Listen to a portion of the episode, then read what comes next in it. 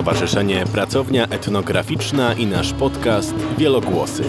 Opowiadamy o kulturach i religiach Mazowsza. Odcinek czwarty. Z Highlands nad Liwiec, czyli krótka historia Szkotów w Węgrowie.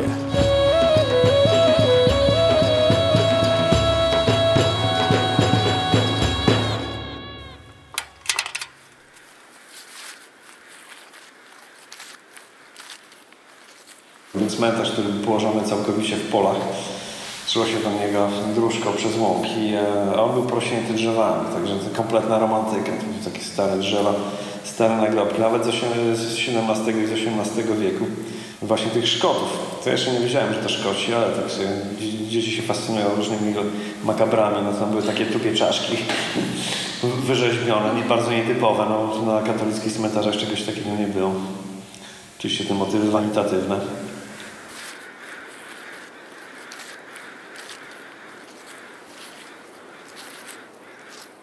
Interesowały mnie te inskrypcje na nagrobkach. E, okazało się, że dadzą, się odczytać, także robiłem e, taką inwentaryzację tego wszystkiego. Okazało się, że bardzo ciekawe nazwiska właśnie Archibald Campbell, czyli Archibald. No, z tych Campbellów właśnie, bo jest jego herb na, wyryty na grobie i jest, jest, jest to właśnie herb Campbell of Argyle, czyli taki najbardziej głównej linii. Henderson z domu Lidl, a już od razu skojarzenia z Alicją Lidl, z Alicją z Krainy Czarów. To właśnie pierwowzorem tej dla Louisa Carola, właśnie z tej rodziny.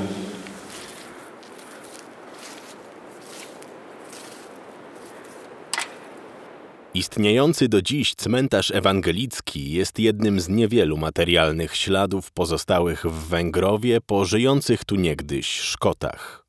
O szkockiej karcie w historii Węgrowa opowiada nam Roman Postek ze Stowarzyszenia Klasztor Węgrów, Centrum Dialogu Kultur. Jestem historykiem sztuki, regionalistą. Działam na różnych polach, jeśli chodzi o wszystko, co związane tutaj z regionem. Interesuje mnie zarówno historia, jak i rozwój tego regionu. Z Romanem Postkiem, miłośnikiem kultury szkockiej, spotykamy się w węgrowskim klasztorze. To właśnie w jego odrestaurowanych podziemiach można obejrzeć ekspozycję Węgrów, miasto wielu kultur i religii, której bohaterami są m.in. Szkoci.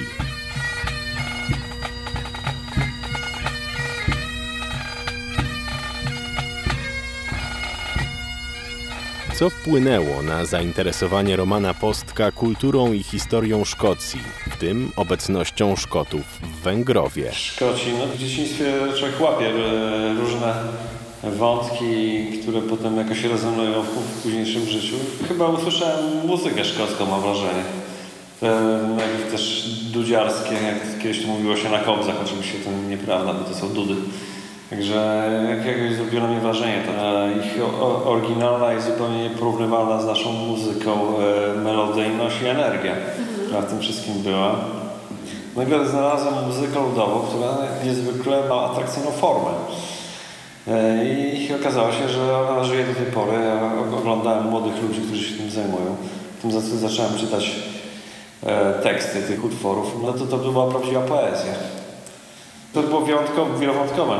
Następne Robert Louis Stevenson i na przykład taki Porwany za młodu książka, która z bardzo wyrazistymi bohaterami i opisami szkockiej przyrody. No to wszystko razem. No.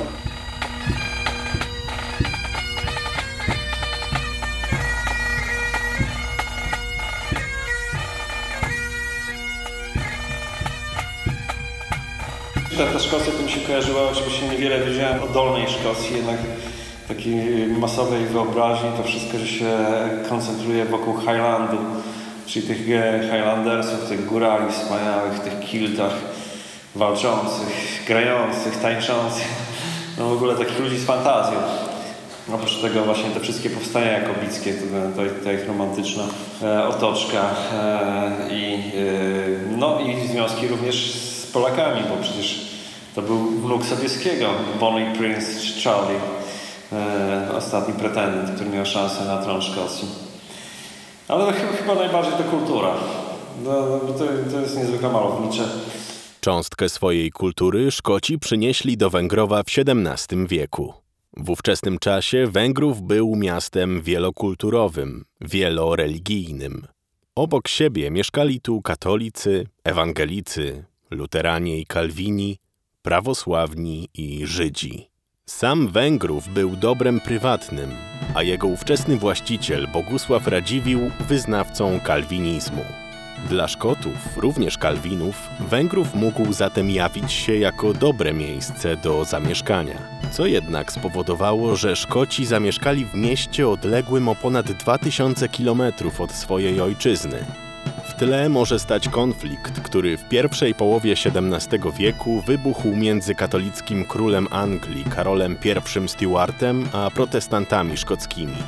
W jego efekcie część Szkotów zdecydowała się na emigrację. No nie wiemy, kiedy pierwsi Szkoci się osiedlili. Jest dokument z 1650 roku, e, które ustanawia osobną dzielnicę dla Szkotów e, i Niemców, cudzoziemców w Węgrowie, wydany przez Bogusława Radziwiła. Także no, skoro w 1650 roku już była potrzeba wydania takiego dokumentu, to znaczy, musiał się na tyle tutaj się sprowadzić, że rzeczywiście był powód, żeby taką osadę no, jakby ustabilizować prawnie. Musiał być ich tutaj dużo. Poza tym e, Bogusław Radziwiłł, który był znany, że się opiekuje protestantami. Właśnie w dobrach radziwiłowskich było sporo Szkotów. Między innymi mieli gwardię szkocką, zatrudniali Szkotów jako zawodowych żołnierzy. No i właśnie tacy byli ci, ci zwłaszcza z górskich krajów, byli, byli tacy bitni jak to górale. Nawykli do broni jako szlachta. Mieli prawo do noszenia broni. O ważności i wielkości Węgrowa jako ówczesnego ośrodka ewangelickiego może świadczyć fakt, że tutejszy drewniany, zabytkowy kościół stojący na cmentarzu ewangelickim był także kościołem parafialnym dla ewangelików z Warszawy. Obraz kulturowo-religijny ówczesnego Węgrowa był jednak jeszcze bogatszy. Zawsze sobie wyobrażałem, jak tutaj egzystowali. Jakie to musiało być w ogóle barwne środowisko, jeśli chodzi o Węgrów. Były cztery dzielnice. Była katolicka, ruska, e, protestancka, gdzie mieszkali zarówno nawróceni Polacy, jak i Niemcy i, i Szkoci. E, no i jeszcze oczywiście żydowska, jak wszędzie.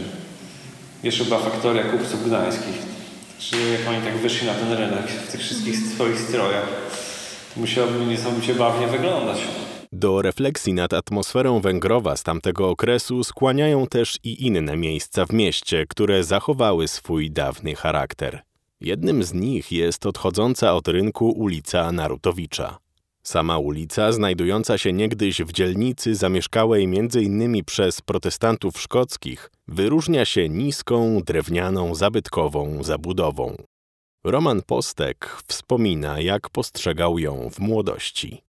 E, słyszałem o protestantach, e, mi się podobało to taka e, schludność, jeśli chodzi o sposób życia i, i jakaś taka powściągliwość, oszczędność. No w każdym razie coś, co wiązało się z takim respektowaniem pewnych przyjętych zasad. No bo człowiek, kiedy żył w komunizmie, widział to złodziejstwo, po powszechny bałagan, brud, niechlujstwo i taki, no to jak, jak, jak szuka jakiś odskocznia. Właśnie protestanci wyjawili się w taki sposób i ja, ja ich tak odbierałem, zwłaszcza, że tutaj Zachowała się uliczka taka w Węgrowie dawna protestancka i e, kiedyś to była ulica niemiecka w Nomen Nomen, obecnie Narutowicza i tam jest właśnie jest szereg zabudowy protestanckiej, to były właśnie takie bardzo schludne domki z okiennicami, e, jakieś, jakieś no, nawet minimalne ogródki przed nimi. To stwarzało pewien klimat e, wokół tego. Co jeszcze wiemy dziś o węgrowskich Szkotach? Czym trudnili się oni na co dzień? Szkoci zajmowali wysokie stanowisko. Archibald Campbell, Archibald, jak go tam opisano, był burmistrzem. Morrison był wójtem. W ogóle takie są tutaj nazwiska e, Orson, e, Morrison, e, Campbell, Henderson, Gordon. Takie nazwiska się zachowały w kontraktach handlowych. Takie jakoś się przyjęło, że byli tkaczami, ale występują głównie jako kupcy. To całkiem tacy, można powiedzieć, prowadzący swoje działalność z sukcesem, bo jeden z nich należał do dziesiątki najbogatszych Szkotów w Polsce w tym czasie. No i handlowali bydłem, na przykład zbożem. To były takie główne ich y, przedmioty zainteresowania, towary. Bo tutaj w ogóle na szlaki spotykały się ważne. Jeden szedł z Gdańska na Lubin, no i dalej na Ukrainę, a drugi z Warszawy do Wilna, tak zwany Wielki Kosiński Tepski. Że Węgrów powstał właśnie dlatego, że w tym miejscu się spotkały, że było świetne miejsce, żeby sobie pohandlować. Akurat my taki, taki wielki rynek mamy, jaki mamy, właśnie dzięki temu. I, no i był ten handel nawet międzynarodowy. Z kupcom z e, Gdańszczan nawet opłaciło się utrzymywać tutaj faktorię handlową w Węgrowie. Jest ten dom gdański, który tutaj mamy przy rynku, to jest właśnie ta tradycja. Dom gdański kryje w sobie też inną historię. Dziś mieści się tu m.in. Muzeum Tkaniny Podlaskiej. Jaki ma ono związek ze Szkotami? Zgodnie z przekazem historyka Tomasza Święckiego, mieszkający w Węgrowie Szkoci byli także tkaczami, a swoimi wyrobami rozsławili miasto.